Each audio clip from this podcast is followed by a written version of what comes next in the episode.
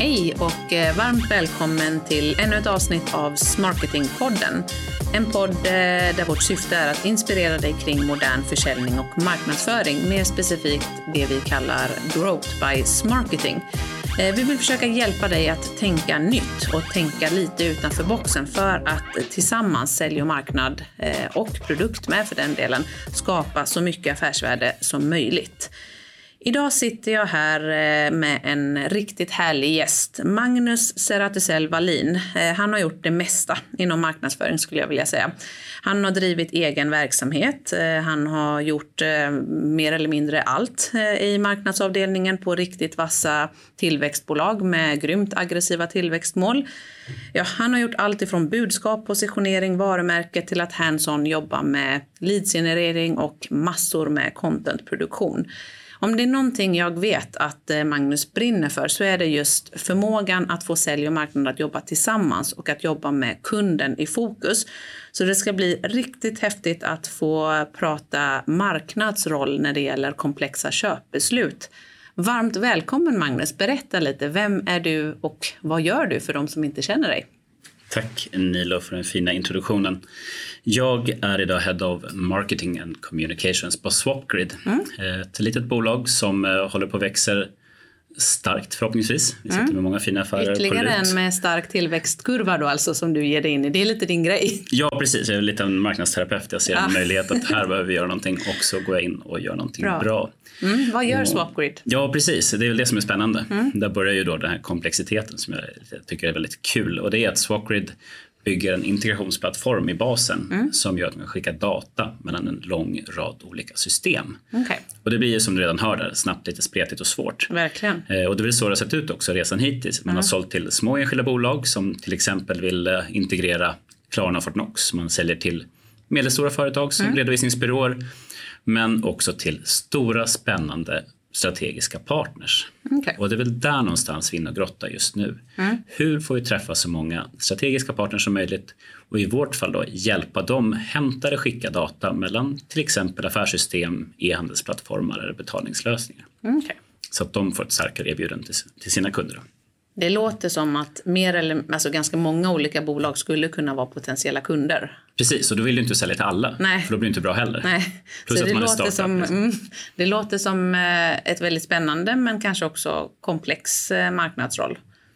Precis. Stämmer det? Mm. Väldigt spännande ja. och komplex och det är just det som är kul tänker jag. Ja, det, ja det, hade det varit lätt så hade kanske det inte varit ett jobb för Magnus tänker jag.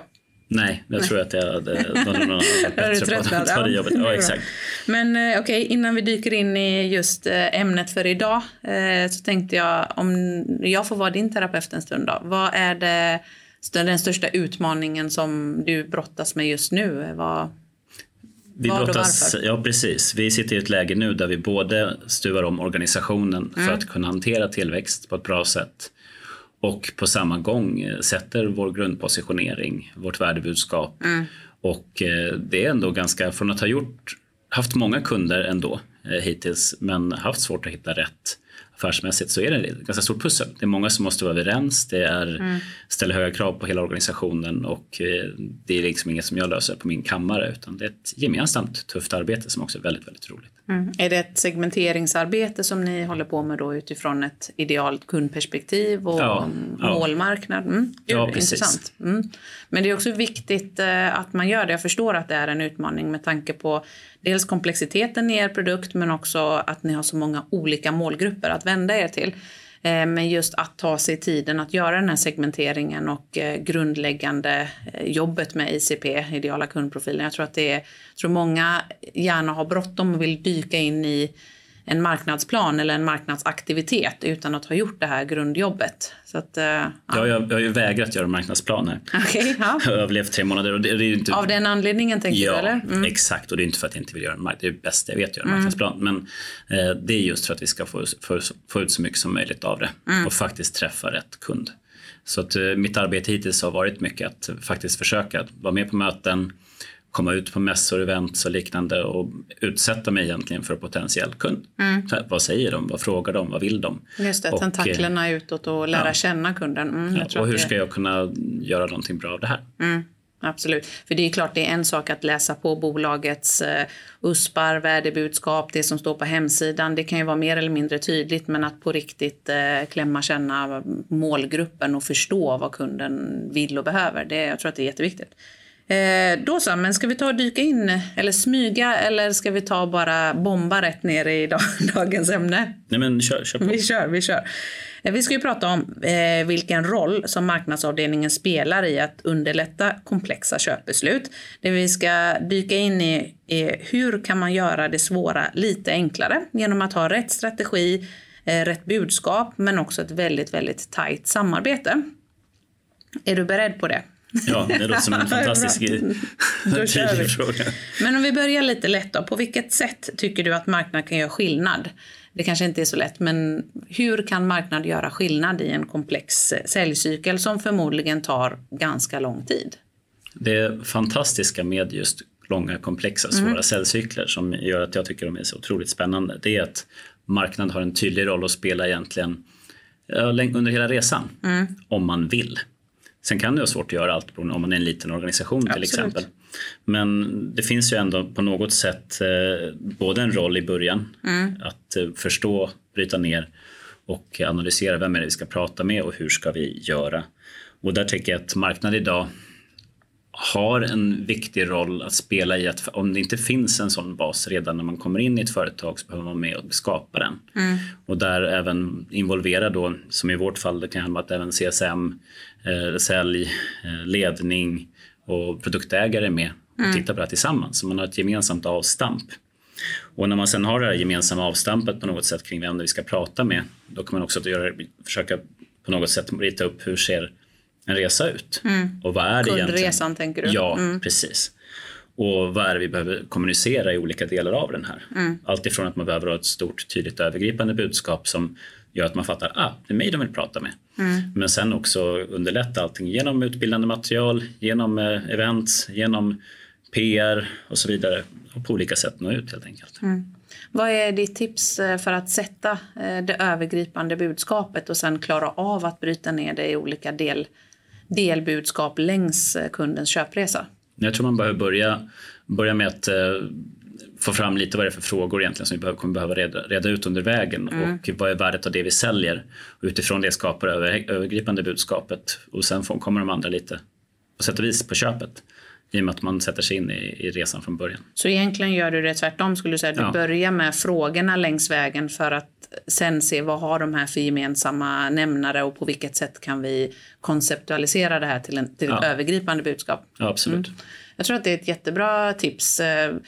Jag brukar också ställa frågan kring vad, vad är det för typ av frågor som ni får i, eh, i början av en säljprocess, alltså kanske under första mm. mötet under andra mötet? Vad är det som brukar fälla avgörandet om kunden väljer er eller en konkurrent eller kanske icke-beslut? Vad är det för farhågor, rädslor, funderingar de har? Det är ju mm. precis som du säger frågor som man kommer att behöva reda ut längs vägen. Eh, och på, på det sättet kan ju marknad verkligen göra skillnad i att reda ut de begreppen så att sälj får en, det som vi kallar så friktionsfri väg som möjligt och även kunden för den delen. Ja precis, och jag tror att desto snabbare man är, är med och sätter sig in i det här som marknadsavdelning, då, mm. eller marknadsperson, eh, desto större möjlighet har man att, att jobba mer som ett team över mm. tid. För annars blir det där ska säga, där man hela tiden reagerar egentligen och får en, na, men en frustrerad säljare kommer in och säger nu har jag fått de här frågorna 17 gånger. Ah. Varför har vi inget material kring det här Precis. Mm. Eh, och då tänker man oj då hoppsan, det här är jag som missat det här och han faktiskt frågat mig 17 gånger. Ah. Eller är det någonting som vi borde lärt oss tillsammans mm. innan? Och där tror jag att mycket är det här att eh, man ser sig mindre som sälj och marknad separat eller för den delen kanske mindre som organisation separat. Ja. Jag tror att man behöver, man pratar mycket om att ha liksom ett sälj mindset genom hela organisationen. Verkligen. Men jag tror att det, det behöver inte alltid handla om att ha ett sälj mindset. Det kan handla om att ha liksom en, mer av en growth alignment där egentligen hela organisationen bygger på att alla har en förståelse för vad man vill någonstans. Mm. Och att eh, har man då möten med kund eller relationer eller vad som helst egentligen ska alla känna att ja, men jag har svar på de här frågorna. Ja, det var superintressant. Så du vidgar egentligen sales and marketing alignment som många pratar om till att kalla det growth alignment. Jag tyckte det var väldigt... Eh, det är ett bra sätt för då bakar du in egentligen alla delar i organisationen som har ett kundinterface menar du? Ja, Mm. Det, ja, men det var, du kanske ska patentera den. ja, jag får göra det. Nej, men jag, tror att, och det här är så, jag är ju nu senaste sex åren framförallt varit i mindre bolag. Men innan har jag varit, suttit och drivit inhouse på Arla till exempel, mm. om jag var konsulter och sådär. Jag har ju sett hur i stora organisationer så börjar det också spreta. Verkligen. Eh, även om man har väldigt hög kompetensnivå, det finns en tydlig strategi och man har, liksom, det mesta finns där. Mm. Men i jakten på den enskilda KPIn eller vad det mm. är för någonting så tappar man det där också. Så att, eh, egentligen ska jag säga, behovet finns lika mycket där som mm. i, i det lilla. Så om jag skulle koka ner det vi har sagt nu i den här första punkten, på vilket sätt marknad kan göra skillnad i en komplex säljcykel. Så ett, marknad har en stor roll att spela egentligen Ehm, hela vägen. Men i början av en säljcykel kanske det snarare handlar om att klara av att sätta budskap, eh, klara av att tala om eh, why, what, eh, för vem, hur, liksom reda ut de här frågetecknen som kunderna har längs vägen. Men inte heller glömma att mot slutet av säljcykeln har marknad, som du sa, en roll att spela i att stötta säljaren med rätt typ av innehåll. Det som kallas för kanske mer sales enablement innehåll, om det är produktblad, om det är säljpresentationer, det kan vara specifika artiklar, frågor och svardokument, eh, offertmallar, det kan ju vara allt möjligt där för att minimera friktionen i säljprocessen och också underlätta köpet för kunden. Absolut. Det var en väldigt fin sammanfattning. det var bra, bra poänger där, Magnus. Men om vi ska titta på på vilket sätt, för du var ju lite inne på att du har tentaklerna utåt och träffar gärna kund. Mm. Det har du pratat om eh, många gånger tidigare när vi har snackat. Men ty hur tycker du att vi på marknad kan använda vår kunskap för att hjälpa kunden mot rätt köpbeslut? För de vill ju ändå ha vägledning. Nej, men allt handlar ju om hur, hur, också hur, mot, hur de söker sin information och mm. vad de är mottagliga för. Eh, och eh, generellt så vet vi ju att många i allt större utsträckning gör sin research själva. Mm. Digitalt eller genom referenser för den delen. Så tricket är att klura ut, ja, men hur finns jag där? Mm. Vad är det de söker på? Vad är det de ställer sin, vilka frågor ställer de till sin vän i nätverket? Mm. Var, var befinner de sig när de gör det här? Och liksom på, i så större utsträckning som möjligt se till att det finns svar på deras frågor där de är mm. eller vill vara. Inte vara så påtvingande. Eh, och det är lurigt, det är olika för olika branscher. Därför blir det ännu viktigare att definiera vem det är man vill prata med. Verkligen.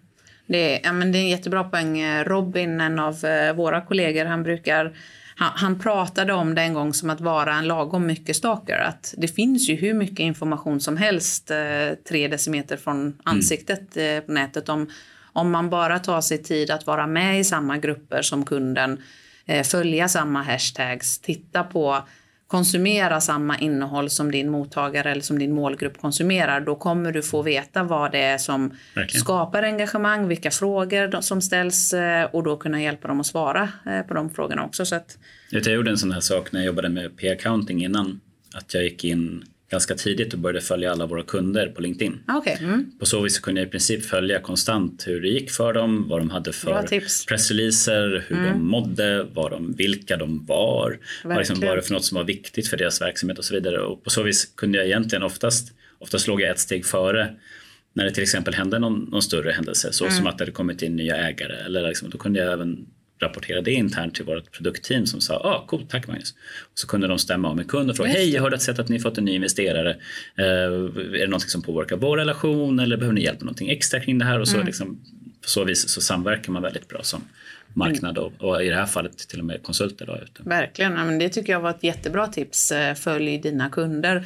Det är ju också en väldigt fin nyfikenhet på deras affär och på hur, som du säger, hur det går för dem. Eh, vi ska ju förhoppningsvis ha ett partnerskap som leder till tillväxt för oss båda. Så mm. att, eh, ja, det var ett väldigt, väldigt bra tips. Och på vilket sätt kan marknad med vår kunskap hjälpa säljaren då? Nej, men det är samma sak där. Jag tänker om man om man, om man tänker att jag behöver hjälpa säljaren ha svar redan innan de kommer mm. i så mm. stor utsträckning som möjligt och i andra hand då hjälpa dem att ge svar på frågorna sen. Mm. Eh, så är det en väldigt viktig del av det här säga, gemensamma, gemensamma kunskapsdelandet där man bygger en bas och sen utvecklar det över tid. För lite som jag sa någonstans här i början så så är man kanske inte så många i alla organisationer, Nej. inte de bolag jag har varit i de senaste åren och då gäller det att vara smart själv. Eh, men börjar man inte bygga upp den här basen av eh, viktiga frågor, utmaningar och svar så kommer man aldrig komma dit heller. Så att eh, mm. gör en plan och börja jobba på det där i tid så tror jag att det, man får en väldigt tydlig roll att fylla ja, till att stödja sina kollegor. Det håller jag absolut med om. Så man kan, man kan använda kunskapen för att hjälpa kunden genom att finnas där och lyssna och höra vad det är de undrar och såklart svara på frågorna och också säljaren genom att vara med och via analyser, data, vi har ju mycket data som helst, mm. svara på de frågor. Om, om alla klickar på ett och samma inlägg, då är ju det inlägget relativt eh, intressant. Då förstår man ju att okej, okay, det här är en pain som, som de på riktigt vill ha svar kring. Då kanske man ska skriva, snarare skriva utvecklande text om just den frågan snarare än nya artiklar som vi på marknaden tycker är intressanta att skriva om lite mer eh, byta glasögon. Ja, men också låta, tror jag ibland, oftare än vad man faktiskt gör, låta säljaren vara hjälten. Alltså i den här, i den här dialogen och, och någonstans va, få vara en kunskapsbärare. För det är alldeles för ofta som en säljare blir en säljare. Och du vill inte träffa en säljare, du vill träffa någon som är väldigt, väldigt bra på det Rådgivare, du vill ha. Ja, du vill träffa någon som är bra på det du vill köpa. Mm. Om du ska träffa någon överhuvudtaget. Och vill du inte träffa någon alls då är det ännu viktigare att du får tag på den informationen på något annat sätt. Verkligen. Så en, ja, men en aktivitet kan man också tänka sig att eh, låta säljaren vara med på ett annat sätt eh, som, mm. en, som en viktig person i det.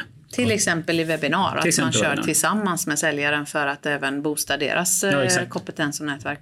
Så kan Eller... man överbrygga de här liksom, begränsningarna ja. som man får genom att tänka att här är jag, där är du. Och på ett helt Verkligen. annat sätt eh, samverka för att eh, våga vara specialister, våga vara bäst och övertyga kunden om att det faktiskt är så.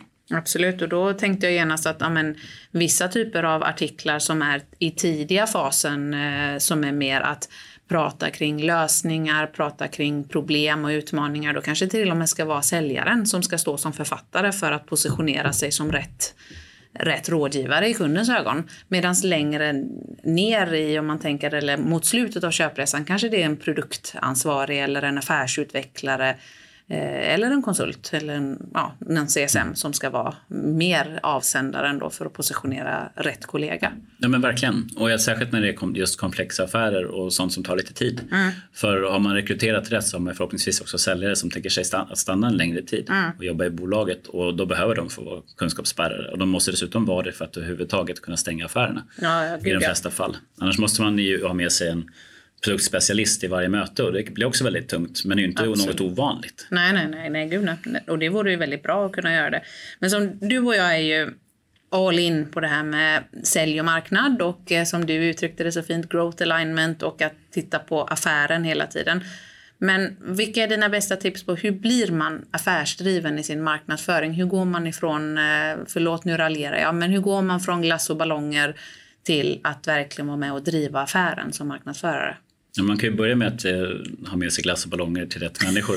ja, de, man, är inte, eh, de är inte att eh, förakta glass och ballongerna. Nej, nej men alltså våga.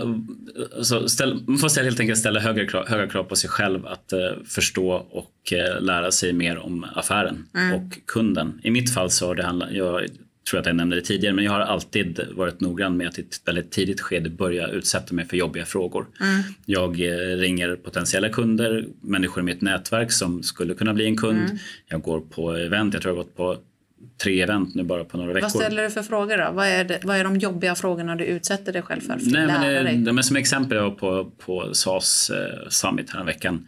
Då är det, en, det första som händer oftast där är ju att man säger hej, hej, så här, gud vad trevligt, jag sitter och jobbar på, vad vet jag, Blö AB. Ah.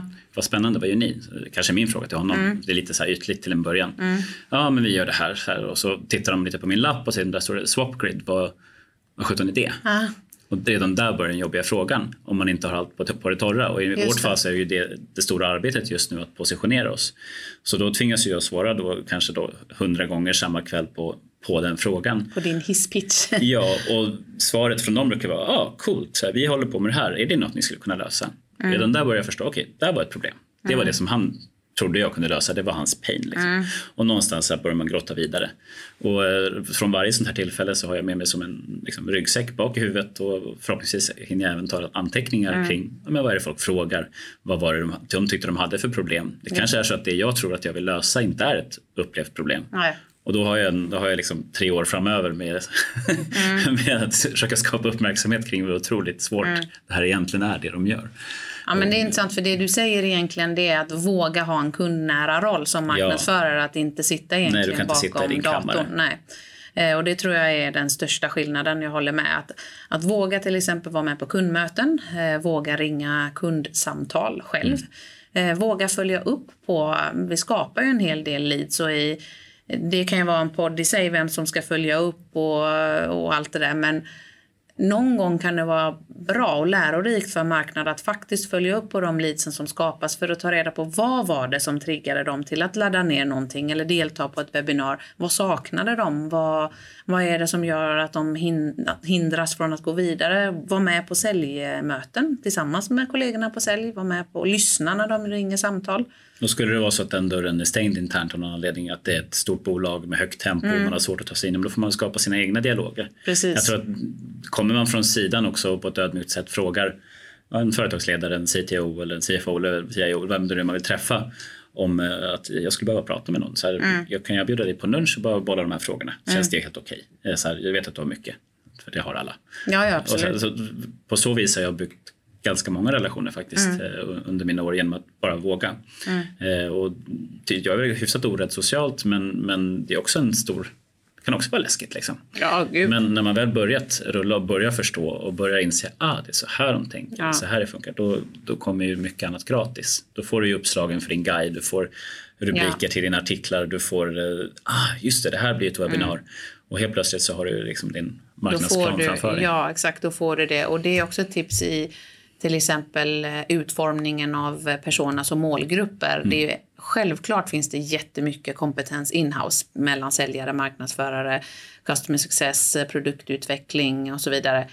Men kunskapen blir ju än mer kryddad och bättre om man vågar ta några av de här samtalen med risk att de kanske kommer med feedback som man inte alltid vill ha där och då. Men att man vågar ta målgruppsanalysen lite djupare än bara sin egen research. Eh, jättebra tips där. Om vi tittar in på, som många vill, vill ju gärna dela upp eh, marknadsföring i varumärkesgenererande och leadsgenererande eh, insatser eller varumärkesbyggande. Jag är inte så mycket för att dela upp det, men om vi som rent konkret, på vilket sätt tycker du att varumärke och positioneringen spelar roll i Nej. det här att vara affärsdrivande? Jag tänker att det är två bitar. Det ena är ju positioneringen som vi redan pratat lite om och hur mm. extremt viktigt det är att det finns en tydlig konsensus kring det internt. För att det påverkar i så stor utsträckning sen vad, vem man ska prata med, vad mm. man ska säga och hur man ska beskriva värdet och det man tillför till deras mm. Eh, liv. Liksom. Så att, eh, och att låta positioneringen få vara ett gemensamt arbete där, där man får input från flera, flera delar av organisationen och från eh, potentiella kunder förhoppningsvis. Ja. Mm. Så det är väl en viktig bit. Men när det gäller just varumärket tror jag att det, det det, det, det, allt har ett extremt högt tempo idag och det finns nya företag växer från små till stora på nolltid. Mm. Och jakten på, på leads och potentiella affärer eh, tenderar ibland till att överskölja eller överskugga det som är samtal kring varumärke, kännedom, klass, klassiska värden. Mm. Men jag tror att i och med att det dyker upp just det, nya tjänster, nya företag, nya varumärken. Det gäller ju lika, likväl för gympaskor som det gör för eh, mm. SaaS-tjänster så är behovet av att eh, säga, visa sitt varumärke på ett sätt som gör att det är spännande och intressant ja. kanske ännu viktigare än någonsin. Eh, och det, det går ju liksom hand i hand i hela organisationen sen. Det är ju mm. alltifrån företagskultur till hur vi, den där första lilla annonsen ser ut till hur vi pratar på den där tråkiga artikeln som beskriver vilken, vilken tjänst du ska välja ja. och vad du ska jämföra med. Det, det, det följer hela vägen så att varumärke ja. skulle jag säga kanske, kanske viktigare idag än någonsin. Det tror jag med. Men det kan också på sätt och vis kanske vara lite mer komplext så att det är väldigt viktigt att man är tydlig i man kanske behöver vara väldigt enkel på en övergripande nivå kring vad är det man tillför vad man säljer, mm. vem är man? För att det ska vara lätt att fånga upp det i det här bruset. Gud. Eh, och sen tjata in det på olika sätt löpande men samtidigt inte vara rädd för att vara kreativ och sticka ut. Mm. Att det liksom finns, eh, jag tror att det finns väldigt mycket att göra som vi inte ännu gör eh, kring att våga vara lite mer innovativa, våga vara lite roligare, våga bara kanske tänka nytta ett steg till. Och, ja, ja, lite gå emot varandra men jag, jag ja, håller med dig. Du brukar säga att varumärket hamnar lite på ja, men på sniskan att, att man liksom lite, inte misshandlar det, men att man struntar i det i jakten på leads. Det vet jag att du har sagt ett par gånger och mm. hur viktigt det ändå är med varumärket. Eh, och jag håller med, det, det ena ska och bör inte utesluta det andra utan de ska samverka. För har man ett starkt varumärke kommer man att kunna generera fler leads jobbar man väldigt leadsgenererande outbound och inbound då kommer man också exponera sitt varumärke för fler, eh, fler och fler kunder eller potentiella kunder och då får man ju också mer varumärkeskännedom. Så jag tror att de ska gå hand i hand men sen blir ju ledning är ju väldigt otålig. Vill ju ha ROI, vill ju ha leads liksom. Så att eh, kanske kan man hitta några lågt hängande frukter och och skapa kampanjer som är mer mot slutet av köpresan för att få in de som är redo men våga jobba med det långsiktiga varumärkesbyggande också. Ja absolut och där kan man ju tänka, man tänker mer kort och lång sikt snarare än varumärke versus leads. Ja, så det också med. bra. Mm. För jag tänker att i, i, i den här, här kringmejlet, kampanjen eller vad det nu är, så, så har du också större chanser att lyckas om du pratar på ett sätt som gör att man upplever det som intressant. Ja, om du har ett starkt varumärke i grunden. Jag vet att undrar om det var, det var något av de eh, tidigare avsnitten så pratade jag och Lina om det här med att försäljning idag måste vara digital och mänsklig och lite Gartner-rapporter då som visar att det handlar om att skapa förtroende, men inte nödvändigtvis förtroende för eh, mig som säljare eller min, min tjänst, min produkt, utan det handlar om att sätta förtroendet i magen hos köparen att jag fattar rätt beslut. Jag löser rätt eh, problem, jag gör det med rätt lösning eh, och rätt leverantör. Och där spelar ju varumärket jättestor roll, att klara av att visa på skillnaden, visa vilken, vilket värde du skapar, på vilket sätt du löser problemen, i vilka use cases har det här varit värdefullt tidigare. Och ja, det, är precis. ju, det är ju det här långsiktiga som man kanske inte kan mäta i form av leads här och nu idag. Eh, men mm, ja, så att eh, kontentan då Magnus, det är att det är sjukt viktigt men kanske släppa eh, det här med leads och varumärke, där sa du det bra, utan tänka på lång och kortsiktig marknadsföring. Ja, precis. Och att förstå att varumärket är visst viktigt. Mm. Alltid. Ja, ja, gud ja. Sen Absolut. Det, och jag tror också det här att, det, för att vinklar man det för mycket åt ena hållet då vet att man gör fel saker. Mm. Eh, till exempel kan man tänka att ja, men en leadskampanj, ja, men det är ju den där mejlen vi skickar. Mm. Då, får vi, då har vi ju 100 kontakter från början redan som vi pratar med och så bryter vi bara ner det i statistik och så vet vi hur många som trillar ut i slutändan. Men på samma gång vet jag att många av de aktiviteter jag har gjort som varit mest framgångsrika det har börjat i att jag faktiskt jobbat som ett as för att få igenom en pressrelease. Precis. Och sen mm. så har det rört runt lite. Mm. Och sen ser vi att volymen går upp på besök och sen så börjar leadsen komma in. Men där sa du en viktig grej. En pressrelease är ju en väldigt tydlig eh, aktivitet som är varumärkesbyggande men det betyder ju inte, för jag tror att många tänker att många ledningsgrupper i alla fall och vd, säljchefer tänker att varumärkeskampanjer snarare är de här jättestora insatserna där man ska titta på tonalitet, budskap, logga, färgform. Eh, det kan också vara ett varumärkesprojekt men varumärkesbyggande insatser kan också vara en sån konkret aktivitet som att jobba med PR. Mm. Mm. Ja, intressant. Under de här åren så antar jag att du har begått några misstag längs vägen, eller? Jättemånga. Jättemånga. Utan misstag lär man sig inte. Kan du inte dela med dig av några fallgropar som lyssnarna ska undvika? Nej, men jag tror att jag är otroligt nyfikenhetsdriven och prestationsmänniska. Det gör att jag ofta gjort liksom allt för alla lite så. Mm. Och det har gällt internt. Det vill säga att jag har väldigt lätt för att tycka att ja, men om de inte har det där hos support eller mm. konsulterna eller säljarna eller så, så löser jag det. Och så mm. löser jag det. Och så håller man på sådär och bygger upp en oändlig pipe av, av jobb. Men också för när det gäller det här med positionering och kunder. Att jag, hittar jag någonting och tycker att det är så spännande, så spännande, det här måste vi göra. Och så gör jag det, det som är bra på att exekvera också. Mm. Så uh, slutar jag kanske med att man gör lite allt för alla, allt för alla. både internt och externt. Och det är tror jag, en klassisk fallgrupp av det skälet att när inte, man inte sitter i ett stort bolag mm. så är man inte så många på marknad. Nej. Nej. Och då blir man lite av en slagpåse kring allt för alla. Ja, precis, man, det blir som en slasktraster eller ja. slaskhink eller vad man kallar det där allt eh, landar. Ja, mm. exakt. Så då måste man lära sig att säga ifrån mm. internt för att kunna göra rätt saker. Och både internt och externt. Prioritera, fokusera. Mm. Ja, verkligen. Eh, och sen så en annan grej som jag tänkt på är väl att jag, eh, jag tror att man ska inte låta marknadsföring är, är inte en person. Nej. Eh, det kanske inte ens är en avdelning.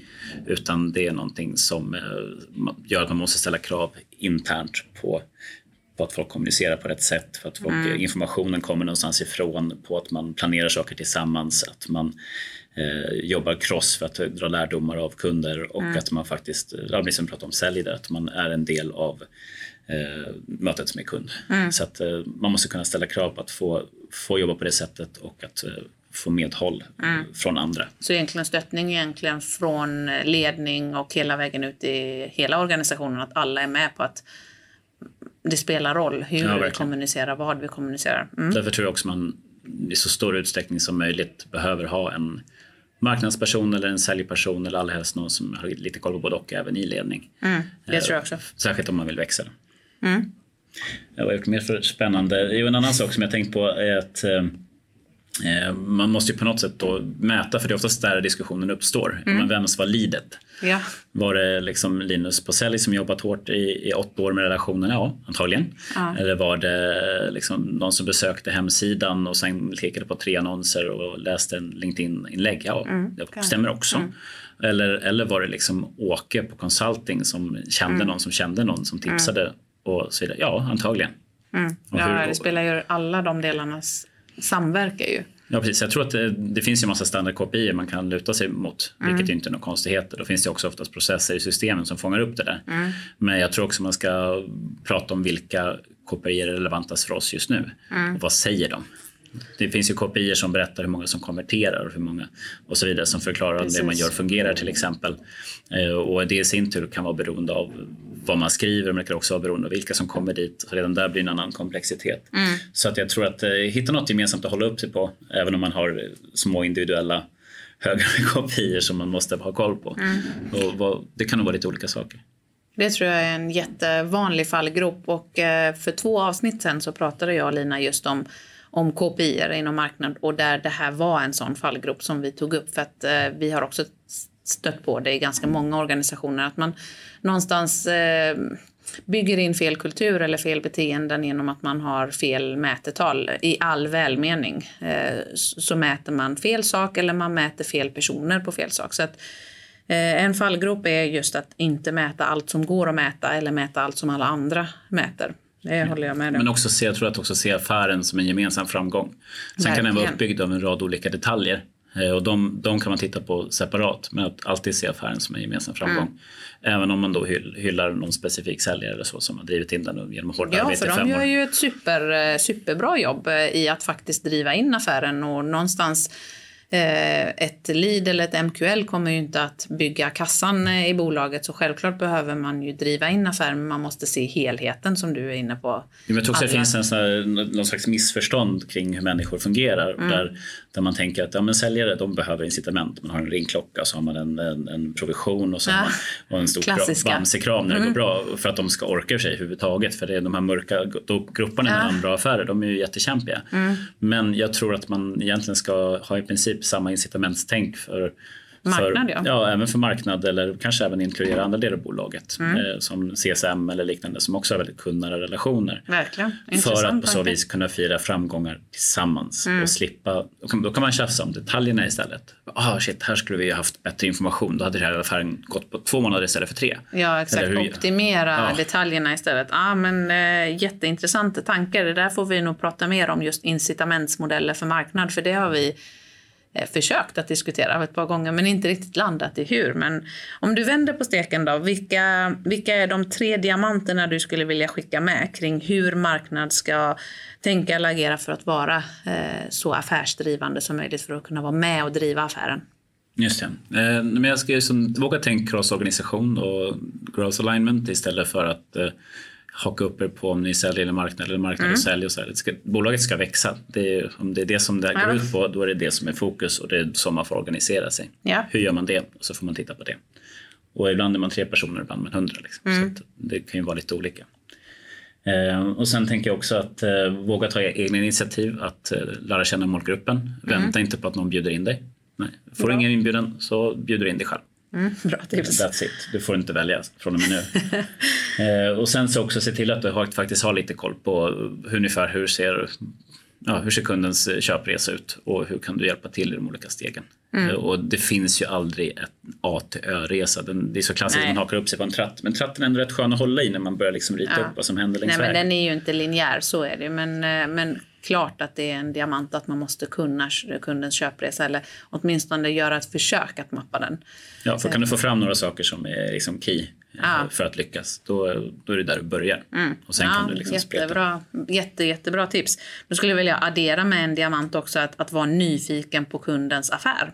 Vad är det som gör att kunden tjänar pengar? På mm. vilket, hur ser deras affärsmodell ut? Vad är de bakomliggande drivkrafterna för kunden. Eh, Verkligen. Så dels var, var liksom bjuda in dig själv som du säger i att, i att ta kundmöten och ha kundnära roll. Men också vara nyfiken på hur tjänar de sina pengar. Ja, men den är spännande för det är ju en grej vi gör med Swapgrid just nu till exempel är att vi genom att tillhandahålla en massa olika system så gör man i princip möjligt för våra kunden, kunder att eh, erbjuda sina kunder en ny mm. affär mm. och ta betalt ja, för någonting. Och som det ser ut just nu så är det väldigt många, framförallt SaaS-bolag som når lite av en tröskel när mm. det är mm. svårt att ta betalt mer för saker. Såklart. Mm. Folk vill inte betala för transaktioner längre till exempel. Folk vill inte betala för det ena och andra mm.